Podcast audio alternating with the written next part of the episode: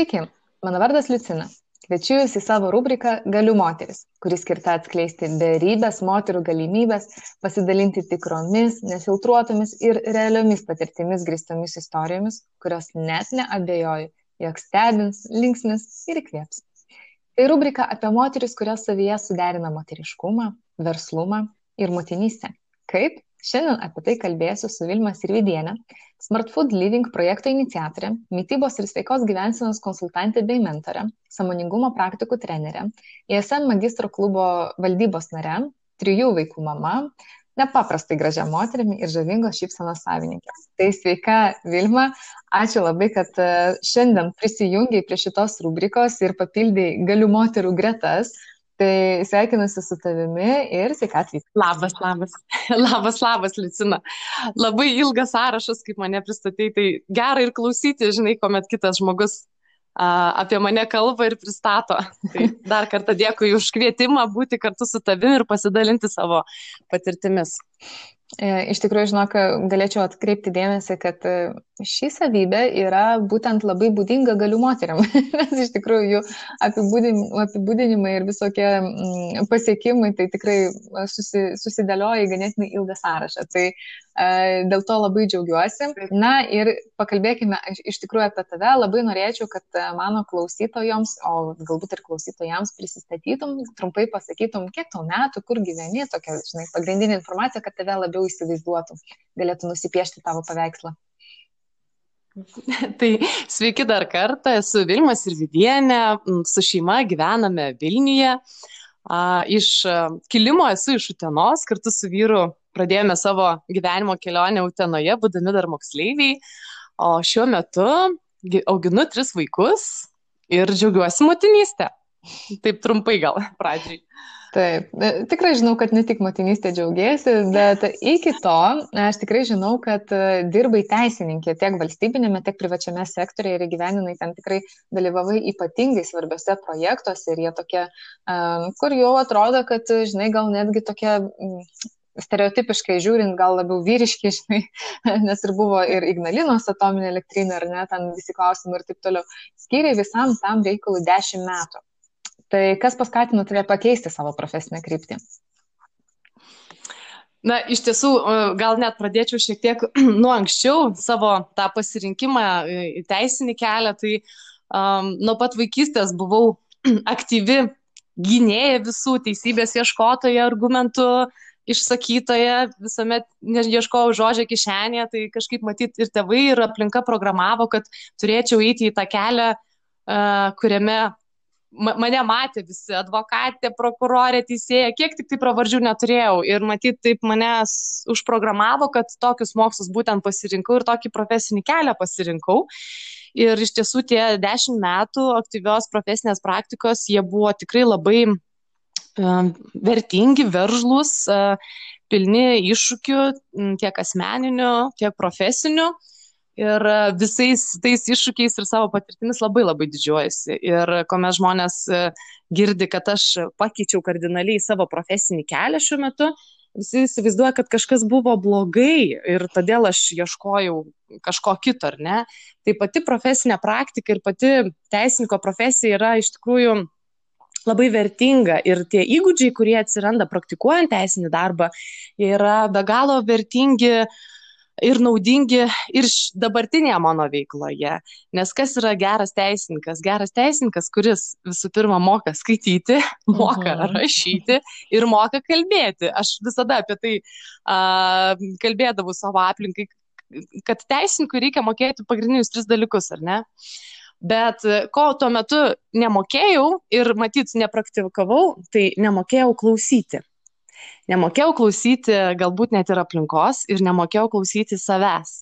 Ir kuomet pradėjau įsiklausyti į savo vidinį balsą, kodėl aš e, save atiduodu vieniems ir kitiems projektams, ar ne, tiems patiems teisiniams, pradėjau ieškoti savo vidinių atsakymų, ar aš tikrai save realizuoju ir aš, ar aš atsakau savo vidiniams poreikiams, savo vidiniams vertybėms, kurios augo ir keitėsi einant tą profesinį kelią.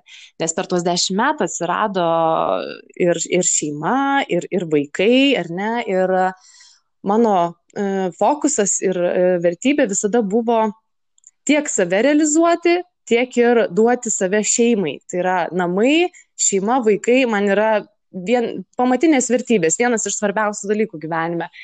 Ir aš tuomet supratau, kad ar verta, ar, ar, ar privaloma visas kėdės apsėsti, kad būtum laimingas nes tiesiog pajutau save, kad pradedu plėšyti save ar, ir savo sveikatą tuo pačiu, bandydama apsėsti visas kėdės, tiek profesinių iššūkių kėdę, tiek ir namų šeimos kėdę. Mhm. Ir turbūt nepaslaptis, kad daugeliu moterų motinystė, neštumas ir, ir vaiko auginimas, vaiko auginimas yra ta galimybė sustoti ir savęs paklausti, kodėl aš esu ten, kur esu ir kur aš noriu būti.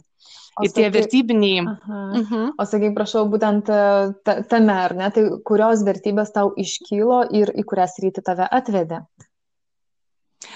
Tai va iš tikrųjų tas savęs išieškojimas ir, ir tų veiklų atsiradimas, kurio, kuriomis dabar e, gyvenu, ar ne, ir buvo e, būtent išieškojimas iš tų vertybių, kas man yra svarbu gyvenime. Ir beaugindama, iš tikrųjų besilaukdama antro vaikelio ir labai daug svarščiau apie tai, kaip aš noriu gyventi, kokį gyvenimo kokybę noriu turėti. Ir turiu meni net ne apie materialinę pusę, bet apskritai apie savo emocinę sveikatą, apie savo fizinę sveikatą. Nes besilaukdama netgi iki antro vaikelio iš tikrųjų turėjau labai daug sveikatos problemų ir jas nekreipdavau dėmesio. E, nuolatinės, nuolatiniai uždegimai, ūminiai anginos, e, sinusitai, galų gale meningitas ir, ir, ir, ir daug tokių umių susirgymų, kurie dabar aš suprantu, kad tai buvo tiesiog ženklai, kad Vilma galbūt eini ir gyveni ne savo gyvenimą.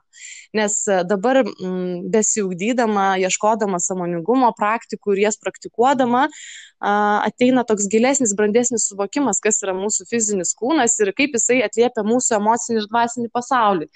Ir iš dabartinės perspektyvos aš grįžtu atgal tuos kelis metus, kuomet dar buvau teisinėme kelyje, aš tiesiog suprantu, kad mano kūno siunčiami ženklai, mano visos lygos, tai yra tiesiog man ženklas, kad Vilma atsibusk ir, ir, ir per, pergalvok savo vertybės ir ar tu eini paskui save, ar eini kartu su savimi, ar tu eini prieš save ir eini pagal kitų lūkesčius ir pagal kitų sugalvotas tikslus, tikslus ir taisyklės. Ir, ir, ir, ir taip gavosi, kad išdrįsau savo atsakyti tuos klausimus ir um, leidau savo išieškoti tas vertybės ir jas iškelti viršų. Ir jos ir yra namai, sveikata, tobulėjimas, saviugda, ugdymasis ar ne. Ir būtent tas sveikas, subalansuotas gyvenimo būdas. Mhm. Ir išdrysti visu tuo pradėti dalinti su aplinka, irgi reikėjo labai didžiulės drąsos ir tų vidinių resursų, emocinių resursų, pasakyti savo visų pirma, kad aš galiu tai daryti, ar ne, aš galiu dalintis, aš turiu ką duoti ir pasakyti aplinkai tą patį, perpozicionuoti save, kad laba diena, laba diena, šiandien Vilma jau nebe teisininkė ir aš jums galiu padėti kitais klausimais. O būtent, mm, taigi, atsiprašau, įsiterpsiu, bet aš manau, kad daugumai, kas klaus, klausys ar ne, šito pokalbio ir iš mhm. tikrųjų ir taip susimastys, kad tvarkoj, tai gal tau ir įdomu, ar ne? Ir, ir galbūt man irgi vieną dieną aš pabundu ir galvoju, kad aš buvau, nežinau, tarkim, manikiuristė, ar ne, o iš tikrųjų pabudau su svajonė nuskristi į menulį, ar ne, ir norėčiau būti astronautė ar ten dar kažkaip, ar ne. Taigi ne, nebūna taip, kad aš taip sprakteliu tiesiog pirštu, ar ne, ir vat, mano svajonė įma ir išsipildo. Tai būtent tavo tik, tam tikrai konkretus žingsniai, ar ne, kai tu suvokiai, kas tau yra svarbiausia ir paskui suvokiai, kad gali padėti kitiems žmonėms. Ir koks buvo būtent tavo kelias jau ėjimo link tos konkrečios konsultavimo veiklos, žinai, nes aš manau, daugiau, daugeliu moterų tikrai labai rūpi tas klausimas, nu tai gerai, aš labai noriu, aš labai mhm. įsivaizduoju, bet tai nuo ko pradėti? Žinai, va tas pats spyris ar, ar, ar kažkokie konkretus labai žingsniai. Tai iš tiesų e, savo atveju galiu pasidalinti savo patirtimi. Mano pagrindinė transformacija ir užgimimas Smart Food Living, tokio kaip prekės ženklo, kaip veiklos projekto, gimė turint palaikančią aplinką. Ir tikrai patarčiau visoms, kurios turi kažkokių idėjų ir turi slaptų svajonių, visų pirma, jas išsigryninti savo, pasisakyti savo, kas tau yra svarbu, kodėl tau to, tau to reikia, ar ne, kodėl tu nori keisti kažką gyvenime. Ir tuomet, manau, tikrai labai svarbu ieškoti palaikančios aplinkos. Ir aš tą palaikančią aplinką radau verslių moterų klube. Start for Networking. Tiesiog net nėra kaip nepaminėti mhm. tos bendruomenės moterų, kurioje ir gimė tiek ir mano a, planas, netgi verslo planas, ar ne, mano veiklų a, išsigryninimas, ką aš galėčiau duoti auditorijai, kuo aš galėčiau dalintis, kuo aš galėčiau būti naudinga kitiems žmonėms ir kokią vertę galėčiau sukurti. Nes E, kad veiklos, kurios mane domina, ta pati subalansuota mytyba, aš kalbu apie gyvenimo kasdienius įpročius ir jų svarbą mūsų gyvenimo kokybei, atrodo visiems tas rūpi, ar ne? Ir kodėl dabar turėtų rūpėti kitam mano mintys, ar ne, arba mano patarimai.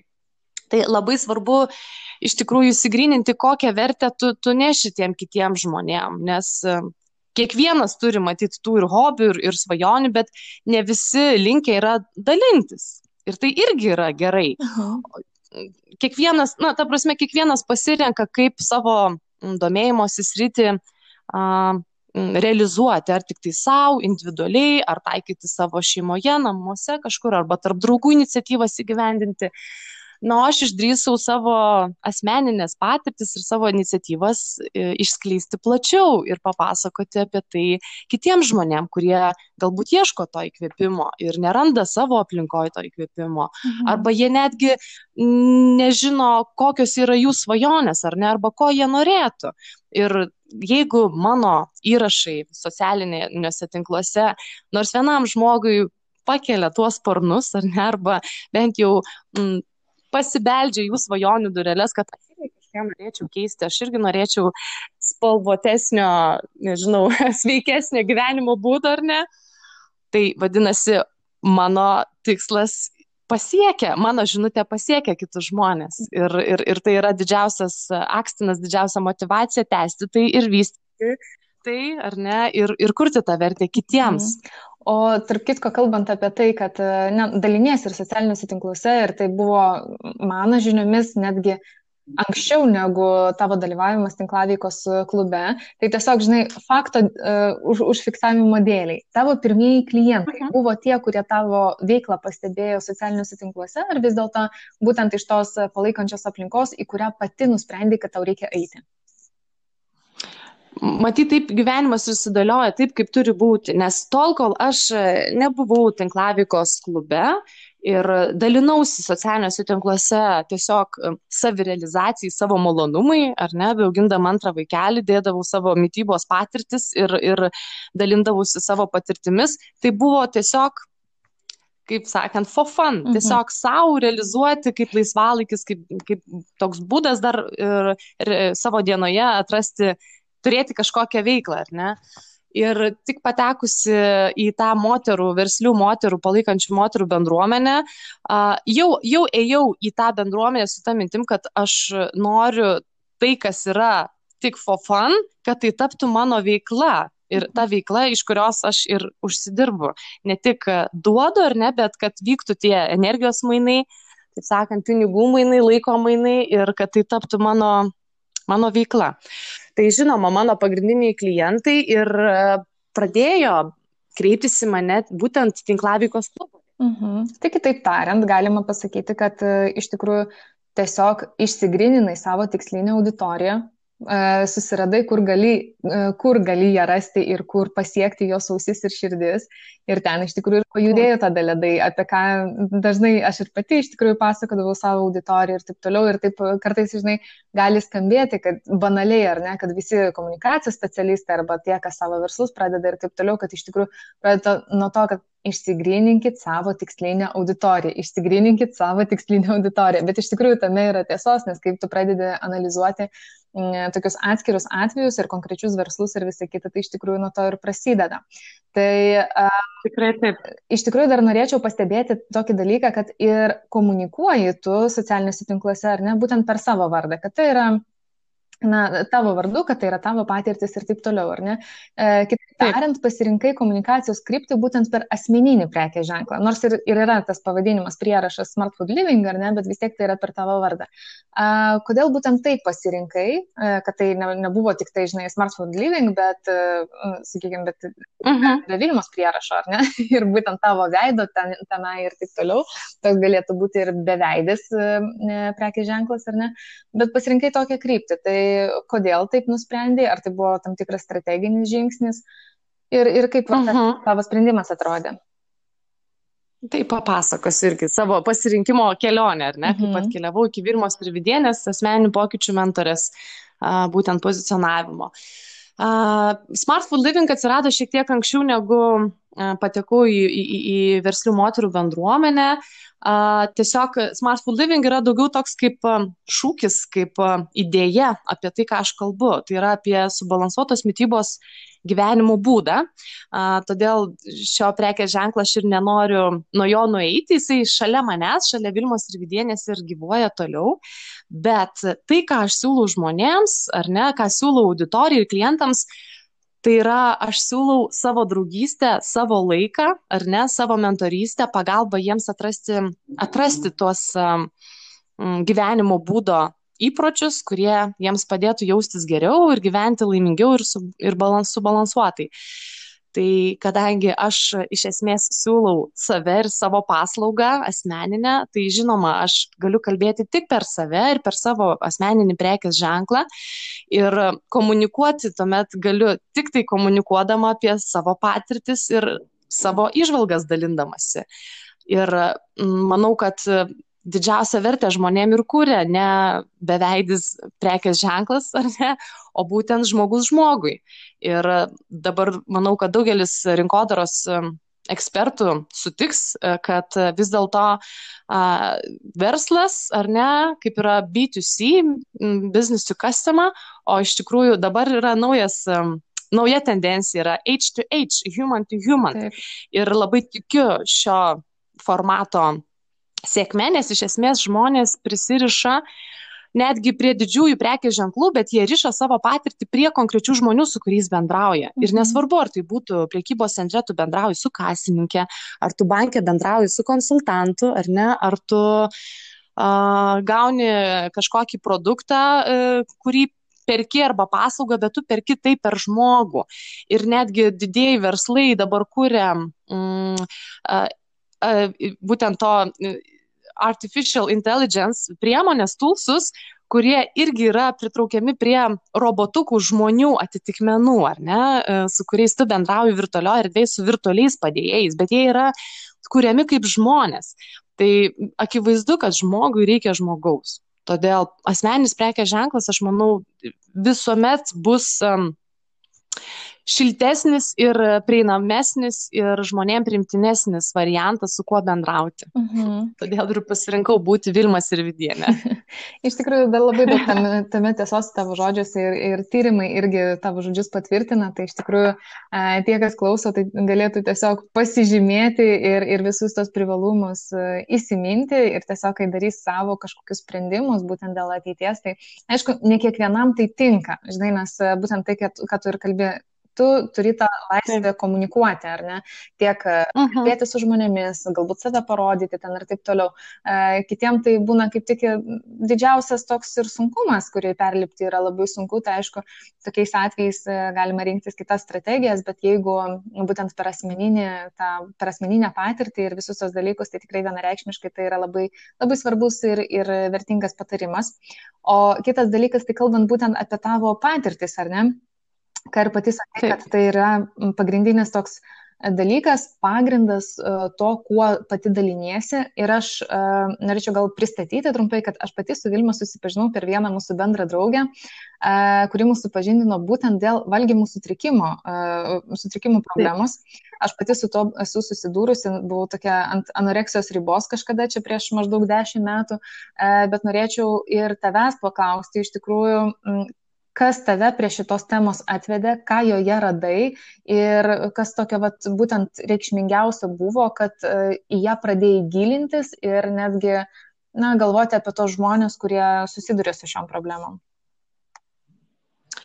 Iš tiesų irgi gerai pastebėjai apie savo patirtį paminėdama, tai vėlgi mano ateimas iki konsultacijų subalansuotos mytybos temoje, apskritai mytybos temoje, irgi mano kelionė į tai atėjo per mano pačios patirtis. Ir dar be būdama moksleivė, jauna paauglė, gyvenau tame, toje įtampoje, tame pasirinkime, ar valgyti daug ir kaip noriu, ar save labai riboti tam, kad atrodyčiau taip, kaip noriu atrodyti. Ir tie suvaržymai, tos ribos, tie įsivaizdavimai, kaip turi atrodyti jauna mergina arba jauna moteris, iš tikrųjų davė labai daug įtampos ir, ir tų ribojančių įsitikinimų ir kitose paskui sferose. Ir neslėpsiu, visuomet buvau valgi ir dabar esu valgi ir visuomet ieškojau būdų, kaip būti sočiai. Ir visos tos dietos, apie ką kalba daugelis ir mytybos specialistų, aišku, dabar jau yra daugiau kalbama apie samoningumą, bet tais laikais buvo kalbama apie labai ribojančias dietas tam, kad tu uh, būtum toks, koks nori būti išvaizdos prasme. Ir uh, eidama į šią temą ir neštumuose, ypač kuomet tas svoris labai augdavo man, ta, ta tema mytybos buvo labai jautri ir aš tiesiog pradėjau ieškoti tokių mytybos gairių, kurios leistų ir valgyti, ir būti sočiam, ir tuo pačiu būti sveikam ir gražiam fizinė prasme. Ir todėl šita tema, mytybos ribojimas, mytybos įpročių ribojimas arba jų keitimas, jis man yra be galo svarbus man pačiai. Ir aš tuo nesidalinčiau ir galbūt nebūčiau atėjusi iki šios veiklos, ką aš dabar veikiu, mytybos auditai ir konsultacijos ir mentorystė, jeigu aš pati to kelio nebūčiau su savimi praėjusi, tos mytybos įpročių keitimo mokyklos neturėjusi. Taip. Todėl tie, tie valgymo sutrikimai, aš gal pasakyčiau taip, kad aš neturėjau tų tokių diagnozuotų valgymo sutrikimų, bet emocinio valgymo sutrikimų ir įtampos turėjau visą gyvenimą labai daug. Ir tai yra mano patirtis, kurią aš taip pat dalinuosi su tomis klientėmis, kurias turiu. Ir mano patirtis mano istorija irgi taip pat jas labai įkvėpia ir padrasina, kad jinai nėra vienintelė tokia. Ir tas mytybos sutrikimas neturi būti labai kažkoks rimtas, bet jeigu tu kiekvieną dieną uh, save varžai arba valgydamas kažką tokio nuodėmingo save už tai grauži, tai, tai jau nėra sveika. Ir mano, mano misija yra su savo paslaugomis, su savo mentorystė padėti išmokti atpažinti savo poreikius, išmokti rinktis sąmoningai tą maistą ar ne ir išmokti priimti savo emocijas ir atpažinti, kada tau reikia emociją užvalgyti ar ne, mhm. o kada galbūt nevalgymo įrankiu tu gali savo emociją pakeisti. Taip, o, o, būtent, Todėl... o būtent šitoje vietoje aš irgi norėčiau staptelti, ar ne, ir uh, kokias būtent priežastis, ar ne, tu galėtum uh, taip pastebėti, dėl ko dažniausiai atsiranda valgymo sutrikimai ir kaip uh, galbūt patartum, į ką atkreipti dėmesį, kad būtent jau būtų signalas. Nes iš tikrųjų aš labai pritarčiau tavo nuomonėj, kad tai ne, neturi būti diagnozuota lyga, kur tave jau guldo į ligoninę ir ten ir lašelinės ir visi šitie dalykai, kur jau žmogus netgi valgyti negali arba į reanimaciją patenka. Tokių istorijų aš pati savo akimis mačiau ir tai yra tikrai kraupu e, ir nepelnytai manoma, kad anoreksija arba bulimija tai yra tik tai manekenių lyga. Ne, tai iš tikrųjų net mhm. vaikai ir vyrai tuo serga ir e, apie tai na, turi žinoti ir turi suvokti žmonės, nes tai yra labai rimti dalykai. Bet vis dėlto netgi emocinis valgymas tai lygiai taip pat yra labai labai mm, opi problema, su kuria susiduria, man atrodo, dar daugiau žmonių. Tai būtent e, iš savo pusės, pasakyk prašau, dėl ko dažniausiai atsiranda ir į ką atkreipti dėmesį, kad jau būtų signalas ir tiek moteris, tiek vyrai, tiek, na, nežinau, paaugliai atkreiptų dėmesį ir pradėtų analizuoti ir kažką jau e, neįsivažiavus, ne, žinai, kad mm, opesnė ta problema nespėtų pasidaryti, kad jau pradėtų kažką daryti ir tiesiog neatsidurtų toje sunkioje situacijoje. Atsakant į tavo klausimą, aš galbūt įskirčiau du dalykus labai svarbius. Vienas dalykas yra aplinkos įtaka aplinkos, tai yra tos pačios, turbūt neslėpsime, dabar didžiausią įtaką daro socialinė medija, mhm. ar ne, aplinkos įtaka, ką tu matai aplinkui. Ir kuomet matai tą pačią reklamą pačių m, populiariausių pasaulinių prekės ženklų nelabai sveiko maisto, bet gražus, sveiki, energingi žmonės geria gazuotus gėrimus, tarkim, ar ne, arba valgo ten e, transriebalų pilnus kažkokius produktus ir atrodo, kad štai tobulas gyvenimas, jis ir mėgaujasi nesveiku maistu, bet emocija gauna gerą ir jis jaučiasi gerai ir atrodo gerai. Ir tas sukurtas socialinis burbulas, ta reklama žmogų labai suklaidina žiūrėdamas ir į, į tų pačių influencerių gyvenimus, ar ne, kurie irgi taip pat yra reklamos kanalai, tiem patiem prekės ženklam, kurie formuoja netinkamus įpročius kasdienius. Žmonės bežiūrėdami ir ypač jauni žmonės susitapatina, jie nori tos pačios patirties, nori atrodyti gražiai ir nori jaustis gerai. Ir jie matydami, kad jų dievaičiai, ar ne, vartodami, kad ir nesveikus produktus, jaučiasi gerai, jie automatiškai supranta, kad uh, jie irgi bevartodami tai turėtų jaustis gerai ir save realizuoti ir gaunasi toks aplinkos įtaka tavo įsitikinimam, žmogaus įsitikinimam ir žmogaus įpročiam, kad jeigu aš noriu jaustis gerai, patenkinti savo kažkokį emocinį poreikį, turėti pripažinimą arba pasitikėti savimi, aš turiu vartoti kažką arba kažko nevartoti. Tai čia yra vienas iš tokių didžiulių mm, draskančių dalykų, nes iš esmės tu nori turėti pripažinimą, pasitikėti savimi, bet e, tuo pačiu ir subalansuoti savo gyvenimo kokybę. Na, ta prasme, turiuomenį apie maistą kalbant, ar ne? Ir gaunasi priešiški du jausmai. Nori to nesveiko maisto, bet nori tuo pačiu atrodyti ir jaustis puikiai. Ir tai yra, na, iš esmės, klausimas, kiek tai yra suderinama. Na ir antras dalykas, kuris irgi labai opus, tai yra būtent tas e, emocinis valgymas ir e, emocinės veikatos e, gydimas per maistą. Ir daugelis įsivaizduoja, kad streso malšinimas arba savo emocijų pakelimas yra įmanomas tik tai su nesveikais produktais. Nes vėlgi tai, tai yra gajus, gaji ta nuomonė, kad neigiamas emocijas galime gydyti su, ne, su, su cukrumi, ne, bet mano pačios idėja ir pasiūlymai klientams yra, kad taip, cukraus mums reikia, kad pakelti savo nuotaiką, bet rinkime tą cukrų sveiką ir tuomet išvengsime daug kitų pašalinių problemų. Tai manau, kad tie sutrikimai ir formuojasi būtent per tuos du kanalus, tai yra per aplinkos įtaką, kurią mes matome, netgi galbūt tą netikrą gyvenimą tą reklaminį gyvenimą. Ir kitas antras dalykas, kuomet mes nesusitvarkome su savo emocijomis ir bandome išspręsti emocijos problemas per maistą tuomet ir kyla tas būti ar nebūti, ar valgyti, ar jaustis sveikam ar gražiam. Ir tas plėšimasis atsiranda būtent iš tų dviejų poreikių - jausti malonumą ir jaustis gerai.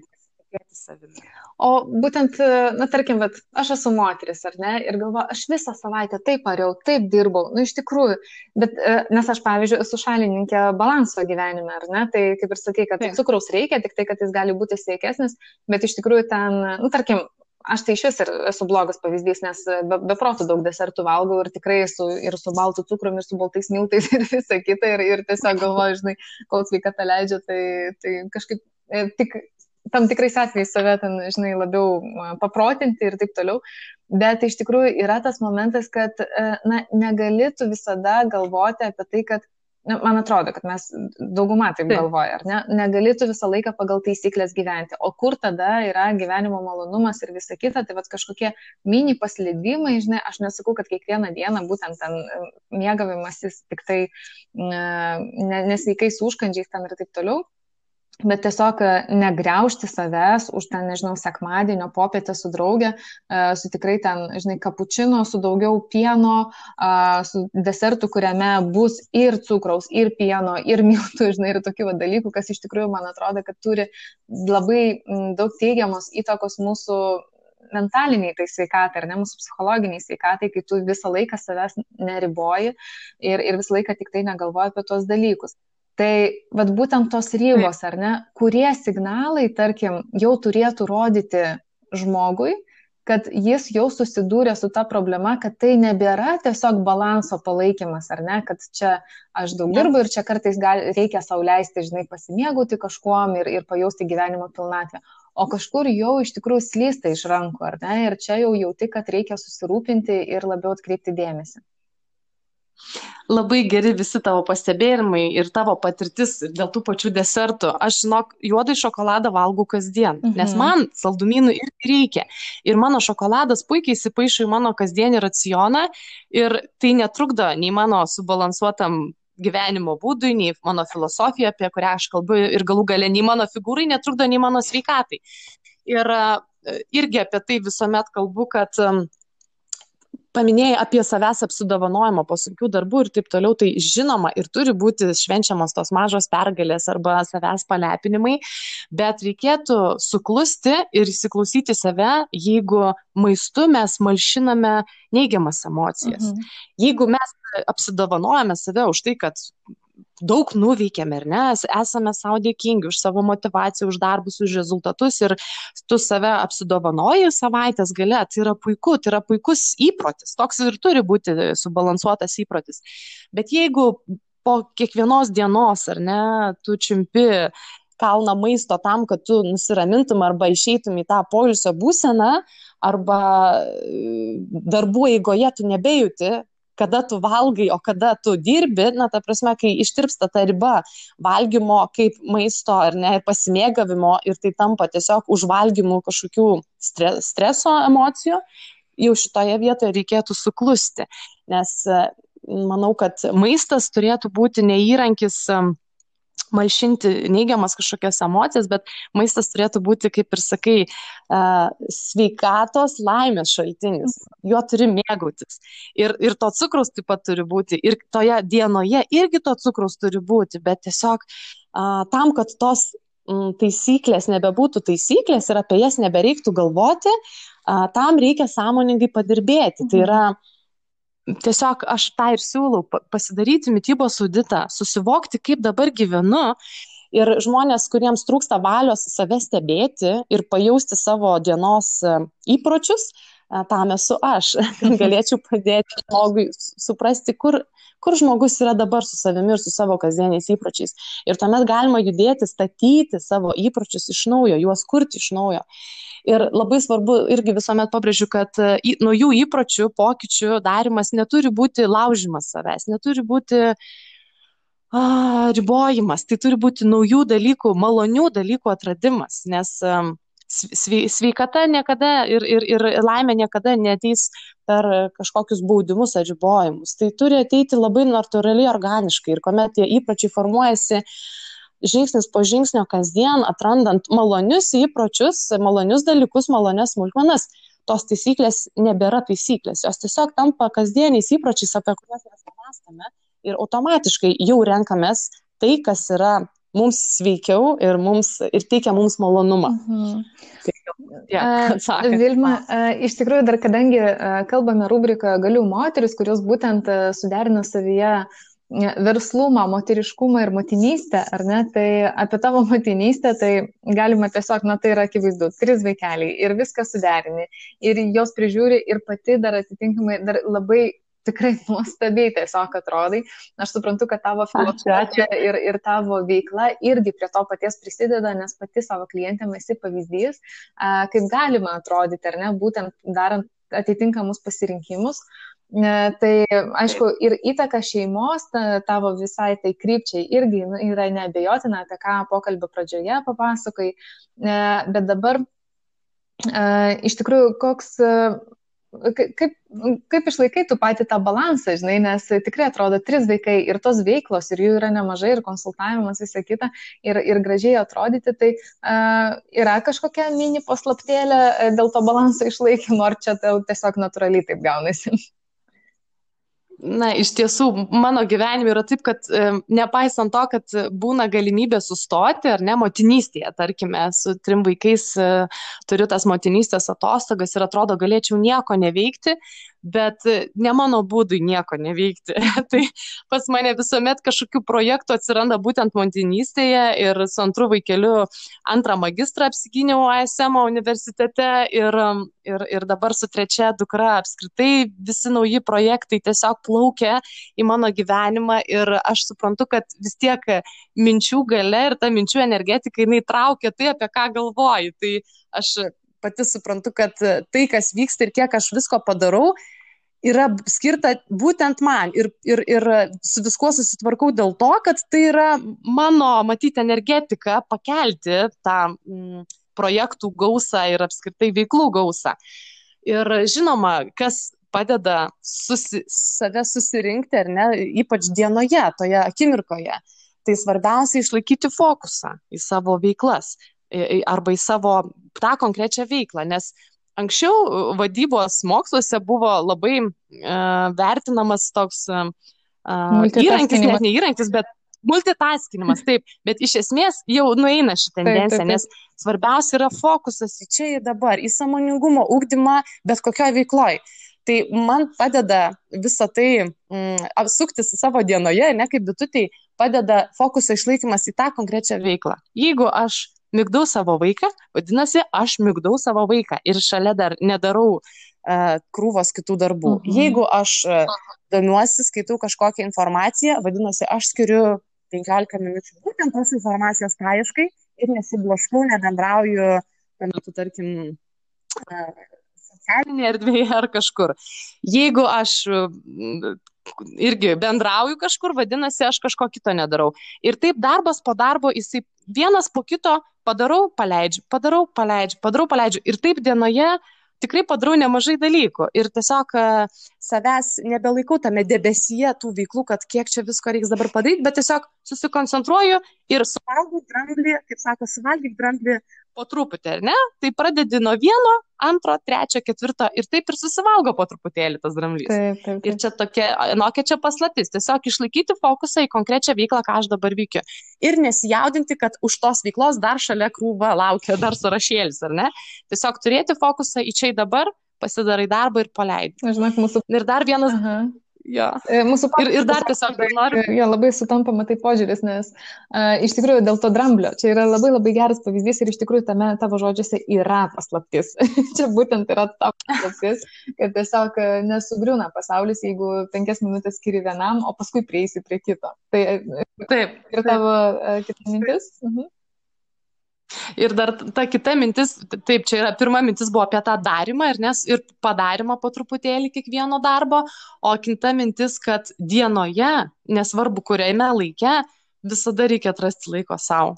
Atrasti laiko savo sustoti, a, gal ne visada turi laiko meditacijoms ilgoms arba, nežinau, sportui kažkokiam ilgam treniruotėjai, bet atrasti tas 10 minučių kokybiško laiko savo. Ir ar tai bus ankstyvas rytas, ar tai bus pietų pertraukėlė kažkokia, kuomet namo, namai tušti arba darbuose ar ne pietų pertrauka, ar tai bus naktinis laikas prieš miegą, atrasti tas 10 minučių savo, kad tiesiog pareflektuoti, nusiraminti, uh, tiesiog padėkoti savo, peržvelgti tą visą dieną arba į priekį pasižiūrėti, arba atgal retrospektyviai pasižiūrėti, užfiksuoti, kaip aš jaučiuosi, pasidžiaugti, ką aš nuveikiau šiandien. Manau, tai yra labai svarbu. Ta, tas, tos kelios akimirkos e, savo emociškai yra labai labai svarbios. Mhm. Būtent sustoti. Ar tą to, tikrai praktikuoju kasdien. Ar to ir palinkėtum, jau tiesiog į mūsų pokalbio pabaigą, ar ne? Ar to ir palinkėtum moterim, kurios e, tikėtina, kad šiuo metu galbūt aš labai viliuosi, kad pavasaris, pavasario saulė ir visi šitie dalykai e, nuteikia vis pozityviau. Ir visos, kurios galbūt ir turėdavo tokią, žinai, slogesnę nuotaiką, galbūt kažkas nesisekė, kažkas neišjudėdavo, žinai, iš mirties taško, ten darbų prasme, kitomis prasmėmis, o galbūt netgi tos, kurios būtent e, šiuo metu ir užvalgo savo emocijas, kokią bandelę spurgą arba ten kažkuom, žinai, ir tikrai nėra tame emocijų pakilime Tai ar, ar Taip. būtent to sustojimo ir galbūt dar kažkokiu dalyku norėtum tiesiog jau pokalbio pabaigai palinkėti? Na, tiesiog, vat, atsa... tęsiant toliau tą patį klausimą, ką ir prieš tai minėjau ir, ir atsakiau apie laiką savo, tai tikrai palinkėčiau, kad ir kaip atrodo, kad griūna dangus ar ne, bet nebijoti išeiti į tą gryną orą ir, ir, ir pažvelgti tą patį dangų, nes iš esmės daugelis dalykų išsisprendžia. Ir, um, o, o žmogaus viduje, kuomet viskas verda, kuomet tos emocijos verda, ne, nepradės keistis dalykai, jeigu mes viduje netrasime tos vidinės ramybės ir balanso. Ir kad ir kaip skamba tai teoriškai, ar ne, kad dabar pakeisk mintis savo požiūrį ar dar kažką, tam, kad kažkas keistųsi, labai svarbu uh, padaryti tas pertraukėlės ir išsivalyti savo vidinės mintis ir pasaulį. Tai lengviausias būdas atrasti tą įrankį, kuris padeda nurimti, ar išeiti į lauką, ar mm, kažkokią mini meditaciją, afirmaciją savo turėti, ar turėti, jeigu turit šunį, paglostyti šunį tam tikrą laiką, ar ne, atieškoti tų įrankių, kurie padeda jums nurimti ir, ir, ir išsivalyti tą savo vidų, savo emocinį pasaulį. Ir tuomet grįžti vėl į savo darbinį ritmą ir vėl keliauti toliau ir vėl užkariauti pasaulį, ar ne? Tai to ir palinkėčiau - atrasti tuos įrankius, tuos maža, mažas smulkmenėlės, paversti juos kasdieniais savo ritualais, netgi sakyčiau. Ir kad tie ritualai jūs pripildytų tos energijos, ieškoti savo energijos šaltinio svarbiausia. Išsivalymo ir energijos šaltinio. Ir tuomet viskas susidėlios taip, kaip turi susidėlioti. Ačiū tau labai, Vilma, tikrai nuostabus praktiški patarimai, kurie, į kuriuos įsiklausus, manau, kad tikrai netaip ir sudėtinga turėtų būti atrasti tą pilnatvį ir, ir vidinę ramybę. O mūsų klausytojams tai noriu tiesiog priminti, kad šiandien kalbėjau su dar viena galiu moterimi, Vilma Sirvidienė, Smart Food Living projekto iniciatorė, mytybos ir sveikos gyvensinos konsultantė bei mentorė, samoningumo praktikų trenerė, ISM magistro klubo valdybos narė, trijų vaikų mama, tikrai be galo gražia moterimi ir kaip patys girdite, labai daug tokios vidinės išminties ir, ir praktinių dalykų būtent dėl savo sveiko gyvenimo ir tokios gyvenimo pilnatvės atradusią moterimi, kuriai esu labai dėkinga, o jūs labai kviečiu likti su, su šiuo e, podcastu, su šią tinklalaidą, e, sulaukti ir kito sekmadienio, kuomet vėl kalbinsiu dar vieną super moterį, nes kitaip galiu moterų aš kažkaip įvardinti net negalėčiau. Tad ačiū labai visiems, kas klausė. Sekite, prašau, tiek mano paskyrą Instagrame, tiek Spotify arba kitose, paskyro, kitose programėlėse, kuriuose automatiškai atsiranda mūsų visi pokalbiai kiekvieną savaitę. Tai ačiū dar kartą ir su jumis buvo Lucina ir galiu moterų rubrika. Visą geriausią. Dėkoju, Lucina. Ir dėkoju.